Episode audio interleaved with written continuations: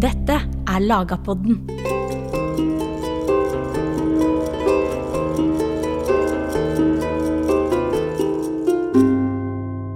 Landslova stilte kongsmakta overfor to problem som hang i hop.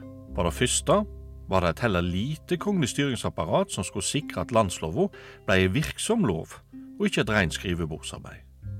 For det andre var landslova virksom i hele Fastlands-Norge, i tillegg til Vesterhavsøyene, Færøyene, Shetland og Orknøyene. De geografiske distansene gjorde det vanskelig for en liten sentraladministrasjon å kontrollere hvordan landslova ble faktisk brukt rundt omkring i riket. Derfor setter landslova, og ei retta bot fra 1280, opp en styringsstruktur som gjorde at kongens menn både måtte samarbeide lokalt, og faktisk ble kontrollert av lokalsamfunnet. Hvordan ble disse kontrollordningene designet, og hvordan fungerte dette politiske systemet gjennom mellomalderen? Med oss til å svare på disse spørsmålene har vi professor ved NTNU, Magne Njåstad. Du hører på Lagerpodden, en podkast av Nasjonalbiblioteket. Mitt navn er Jørn Øyrehagen Sunde.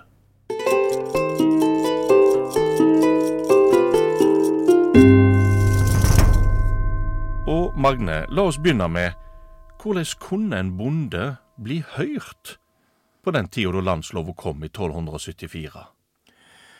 Det en vanlig bonde kunne gjøre, eller kunne ha retten til, var rett og slett å henvende seg til en representant for øvrigheten, og i siste instans kongen sjøl, for å fremføre en klage over ting denne bonden ikke var fornøyd med.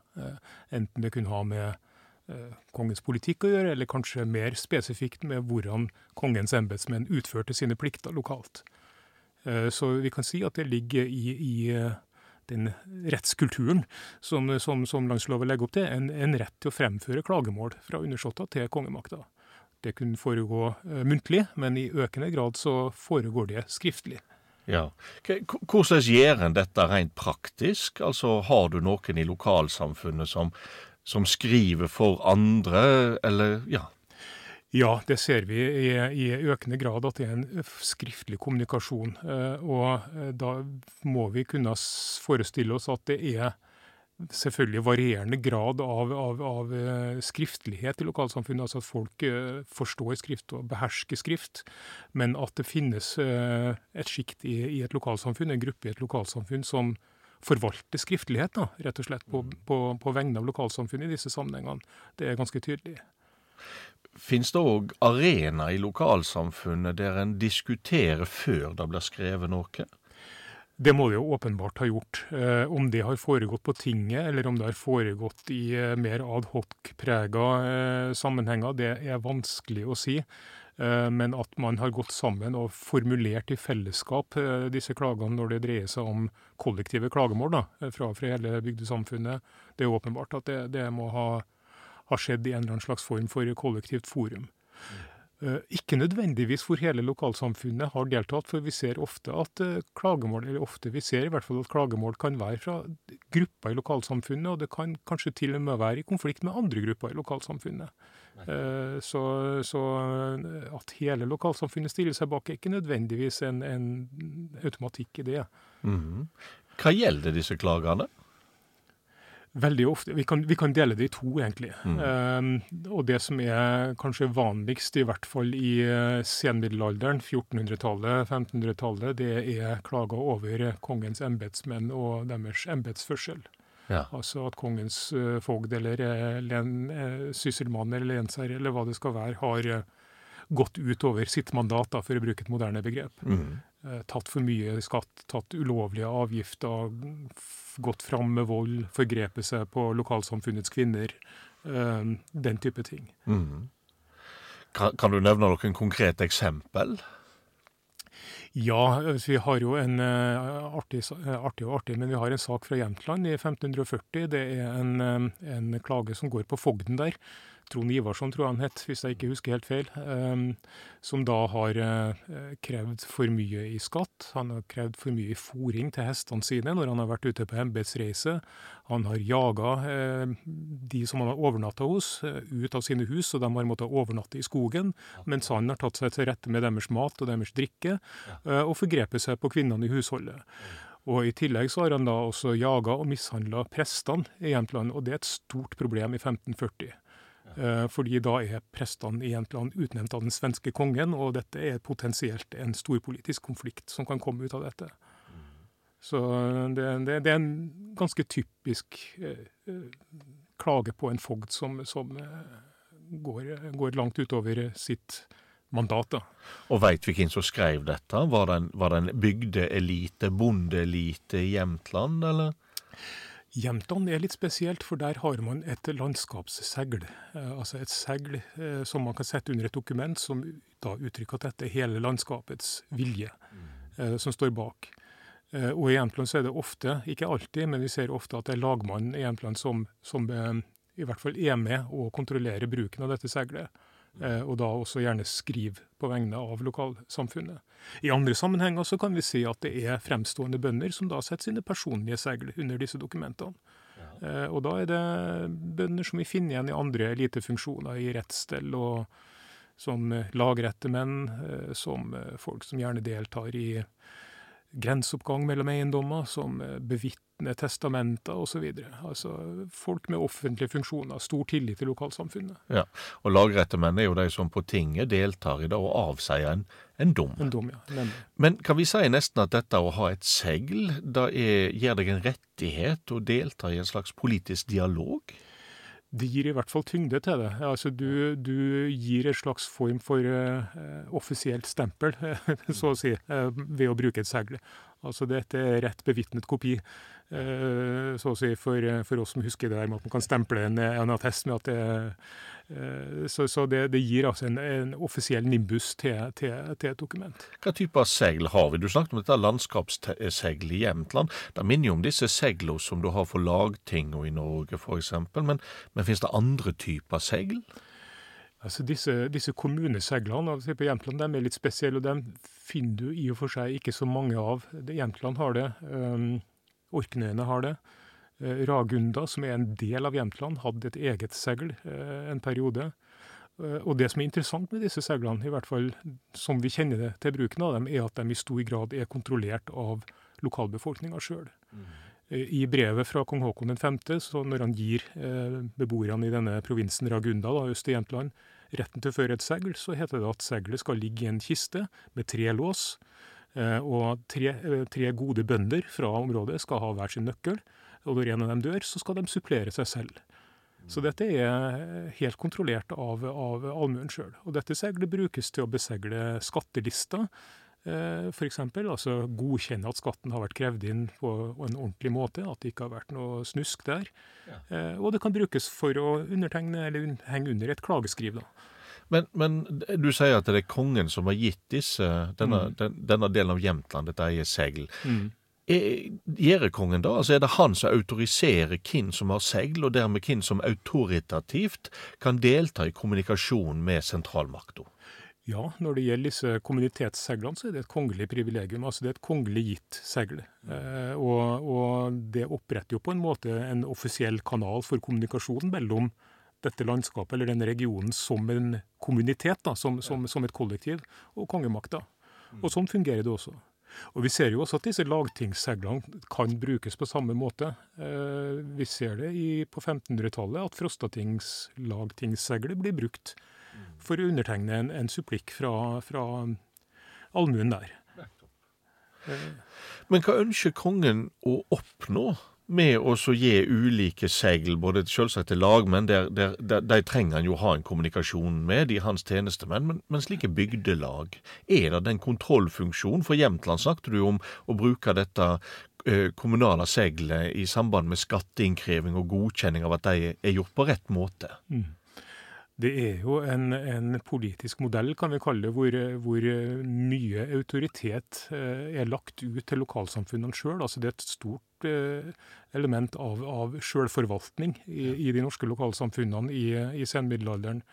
Eh, og disse landskapsseglene er kanskje et tegn på at de mer perifere delene av riket får en høyere grad av denne typen sjølforvaltning. Eh, historikeren Steinar Imsen har jo pekt på dette systemet, han kaller det bondekommunalisme. altså At bondekommunene har en høy grad av selvforvaltning og kan stå i en dialog med kongemakta på, på denne måten. Eh, og det er klart, eh, for, som du sa innledningsvis, for en kongemakt som har et stort område og et litt svakt utbygd forvaltningsapparat, så er denne typen maktdelegering kanskje en nødvendighet. Mm. Eh, og for å ta et poeng til med det, det er også en måte å kunne kontrollere eh, lokalforvaltninga på, ved å gi lokalsamfunnene en stemme til å kunne påpeke nettopp denne typen embetsmisbruk som denne fogden i Jämtland f.eks. Mm. Eh, står mm. for. Men har denne kommunikasjonen andre formål, iallfall sitt med kongen sine øyne? Ja, det kan være interessant for kongemakta å komme og få kunnskap om hvordan eh, forvaltninga skikker seg, men det kan også være et poeng for kongemakta å få generell kunnskap om uh, tilstanden i, i, et område. Eh, altså denne typen kommunikasjon for å, for å ja, eh, se tiltak som trengs å gjøres, mm. gi de lettelsene som det kan være relevant for sentralmakta å gi til et lokalsamfunn i, i gitte situasjoner. Ja. Eh, dette, dette er, er, vel mer utbredt hvis vi beveger oss lenger sør i, Europa enn Norge. Eh, der ser vi at denne typen, eh, dette aspektet av skriftlig kommunikasjon mellom lokalsamfunn og kanskje enkeltpersoner også, og sentralmakta, det har et ganske stort informasjonsinnhentingspotensial som kan være grunnlag for utforming av politikk. Ja, ja. Men disse klagene, hvis vi nå ser det ikke fra kongens synsvinkel, men fra bøndenes synsvinkel, er det, er det, individuelle klager om individuell urettferdighet, eller er det mer kollektive klager, eller hva er karakteren på dem? Det er en karakter som endrer seg litt over tid. Eh, når vi er på 1300- og 1400-tallet, så ser vi mest av det kollektive. Eh, og det kan ha å gjøre med kildesituasjonen, altså hva som er bevart av kildemateriale, rett og slett.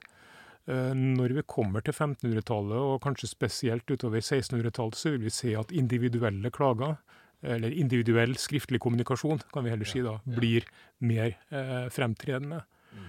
Eh, og det er vel også en forskjell på, på, de kollektive og de individuelle klagene, at eh, individuelle henvendelser ofte dreier seg om eh, å oppnå personlig gunst på en eller annen måte. Mm. Skattelette, retten til å utøve en næring. Eller om man har en eller annen eh, konflikt gående med noen som man gjerne vil at eh, kongemakta skal ordne opp i. da. Mm.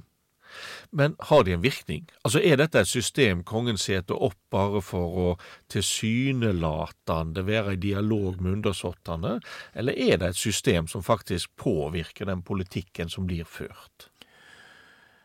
Det er jo et interessant spørsmål, og det kan jeg vel svare både ja og nei på. Um, ja, det virker på den måten at hvis du klager over en eh, embetsperson på et eller annet nivå som helt åpenbart eh, går ut over sine fullmakter, så vil denne embetspersonen få en smekk, eller bli avsatt, eller bli fengsla. Eh, det ser vi mange eksempler på. Så, så den, den, funksjonen har det. Det fungerer godt. Det som fungerer mindre godt, er hvis man klager, et lokalsamfunn klager over skatt, nye avgifter osv det når man ikke så lett fram med. Eh, da skal man ha gode grunner. Men det kan man også gjøre. Eh, du har eksempler på lokalsamfunn som skaffer seg varige eh, goder gjennom denne typen aktivitet. Kan du gi et eksempel? Ja, det skal jeg gi deg. Jeg kan gi deg flere. Men vi kan, vi kan ta bøndene på Oppdal i ja. Trøndelag. De bor jo da på nordsida av Dovrefjell, og har gjennom hele middelalderen og opp igjennom så har de mye oppgaver med å hjelpe folk over fjellet, gi skyss, eh, herberge funksjoner osv. til folk som skal eh, til Trondheim, mm. eller fra Trondheim og sørover. Eh, og de er på et tidspunkt på 1300-tallet inn og ber om å få halv skatt, fordi at de har alle disse plagene med, med det her, og det får de. De henvender seg til kongen, den ti år gamle Olav den 4., i 1381, når han blir hylla på Øyreting og får dette privilegiet, denne, denne fritaket.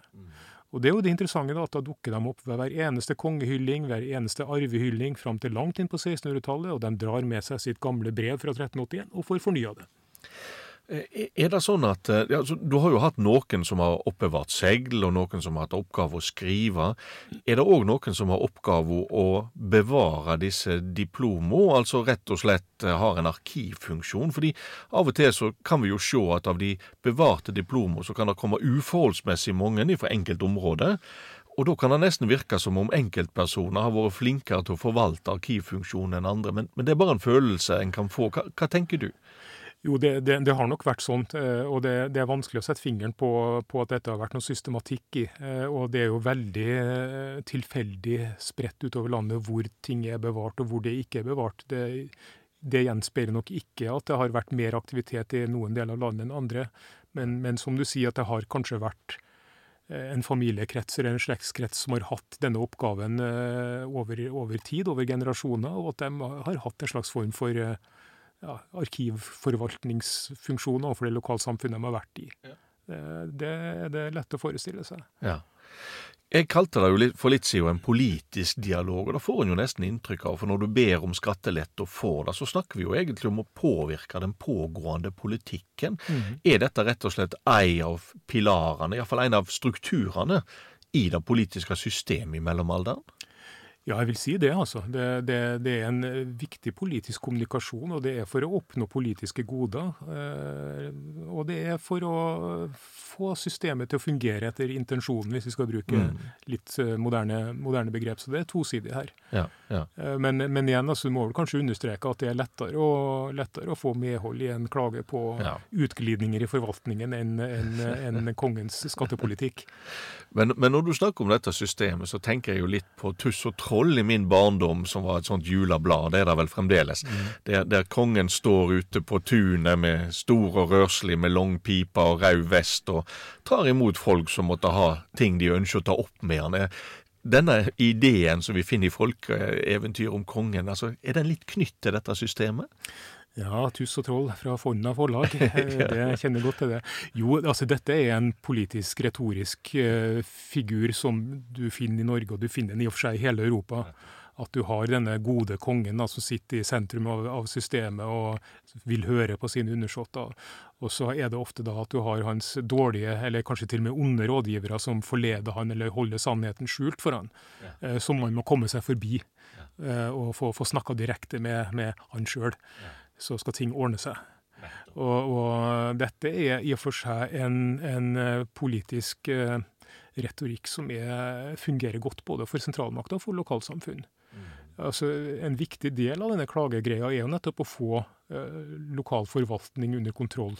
Uh, og det, det, er en felles interesse for, for kongemakt og for undersåtter. Det er en slags knipetangsmanøver mm. for, å, for, å, kunne slå ned på, på, på korrupsjon og, og, og grådighet i forvaltninga. Eh, og, og det, det, det, er tydelig i Norge, og det er tydelig i hele Europa, at dette, dette har en viktig funksjon. Ja. Og Derfor så kommer denne typen politiske retorikk eller politiske figur, eller sånn figurer da, opp som, som eh, et fellestrekk i den europeiske politiske kulturen, egentlig. Så dette systemet som, som landslova institusjonaliserer med en klagerett, det er altså ikke noe spesielt for Norge? Dette er et felleseuropeisk system? Det er det absolutt. Retten til å henvende seg med klager til øvrigheten er jo noe som går, går i hvert fall et par tusen år tilbake i tid, men som du ser veldig tydelig i, i middelalderen. Mm. Men du har litt et, Det har jo forskjellige valører i forskjellige områdene av Europa. og, og det som kanskje er spesielt for det norske systemet, er at uh, mye av denne klagevirksomheten går direkte til kongemakta. Den går ikke via Eh, type representative forsamlinger som du finner eh, i langt større grad og langt mer utbygd i andre deler av Europa. Altså stenderforsamlinger, parlament osv. Og, Eh, for det er gjerne mottakerne av kollektive eh, klagemål i, i, i, andre deler av Europa. Ja, Hvordan mottaker, Altså skal de sende de videre? Skal de behandle de, Gis sin støtte til de, eller? Eh, Fyrstemakta møter sine undersåtter i en stendig forsamling, og der tas ting opp til diskusjon. Mm. Det varierer hva som skal diskuteres, eller hva som, som er si, kompetanseområdet da, til disse forsamlingene rundt omkring, men ofte så dreier det seg om skattlegging. og Det er også det stedet hvor da kollektiver gjennom sine representanter kan fremme klagemål som fyrsten, eller kongemakta eller øvrigheten, mm. da må høre på og ta stilling til. Så ständerforsamlinga blir et slags filter. De bestemmer hva de vil ta opp, men straks de bestemmer at de vil ta opp noe, så får det en ekstra styrke, rett og slett. Ja. Eh, nettopp det fordi at representanter for da eh, samfunnsgruppene i, mm. i, i, i, dette riket da eh, fremmer dette overfor eh, for kongemakt. Så gir en tyngde til det. Hva, hva type stender har vi i slike forsamlinger? Det varierer faktisk litt også, men den typiske vi finner i senmiddelalderen, er jo tredelinga. da, altså Det er geistlighet, det er adel, og det er resten. Ja. Eh, så finner vi ganske mange steder en firedeling, hvor resten blir delt opp i bondesamfunn og i byborgere. I mm. Sverige f.eks. Riksdagen, som, som da vokste fram på 1500-1600-tallet.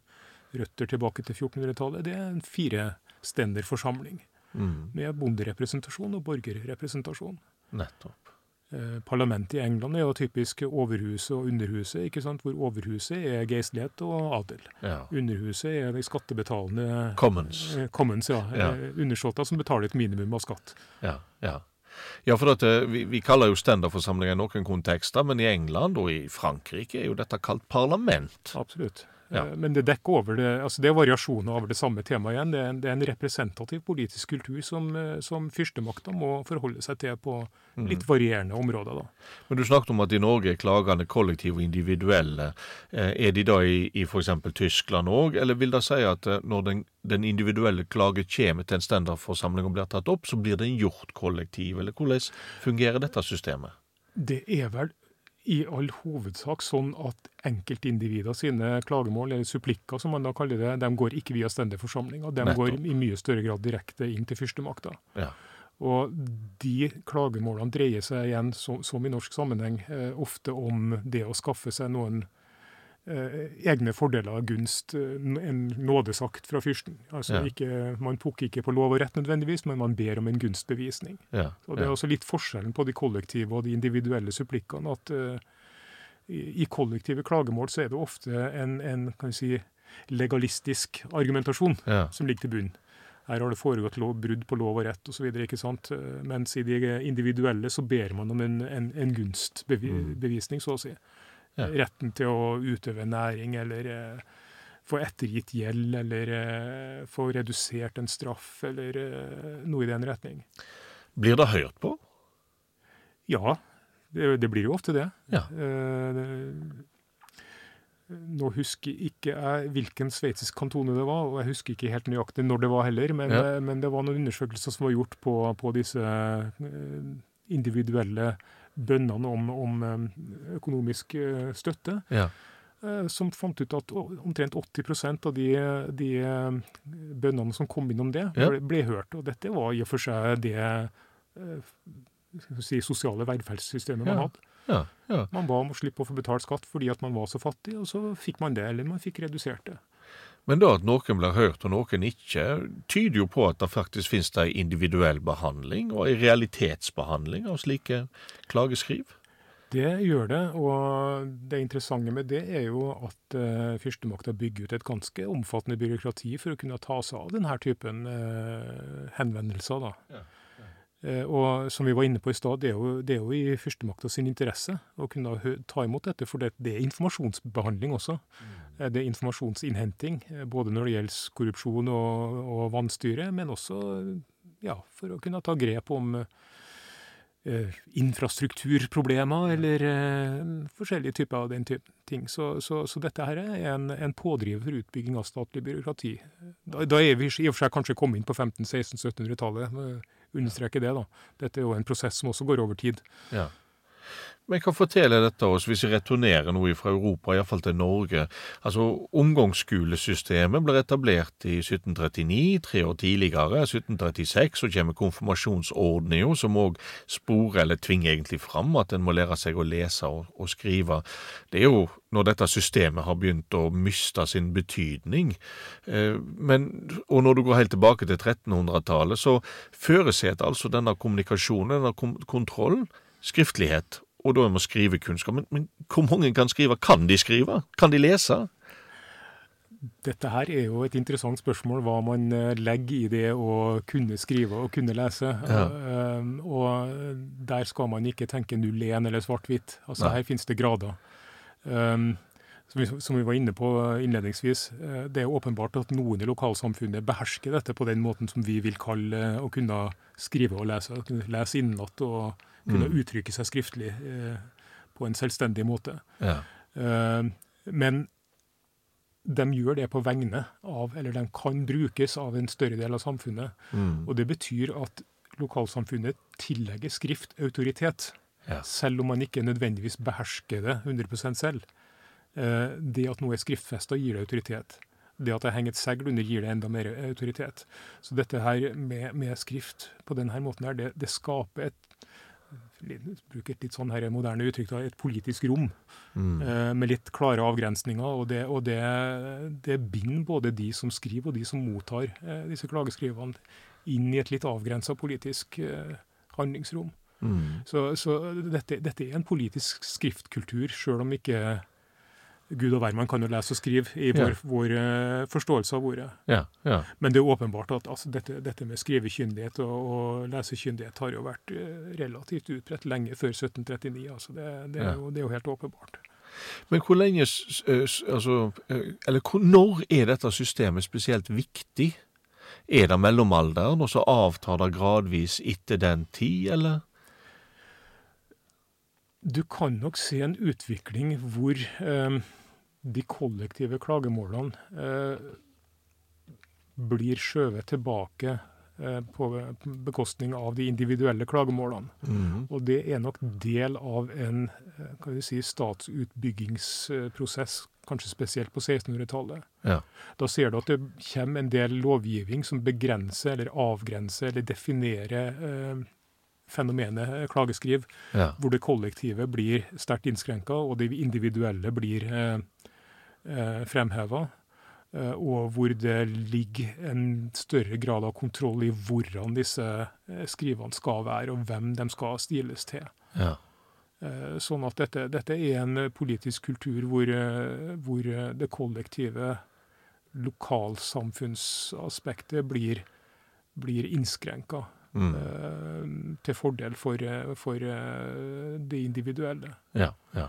Eh, og i det så ligger det jo også da at eh, den legalistiske argumentasjonen og retorikken som du finner i de kollektive eh, klagemålene, blir neddempa forhold sånn, til fordel for disse bønnene om kongelig gunst, ja. eh, bevisninger, nådeshandlinger osv. Og, så og det har jo selvfølgelig å gjøre med styrking av, av sentralmakt og i og for seg enevelde som ja. som, som, politisk styringsform fra, fra 1600-tallet. Men denne legalistiske argumentasjonen er jo interessant. fordi For å delta i denne politiske dialogen så må du ha skrive- og lesekunnskap. Da har du behandla. Mm.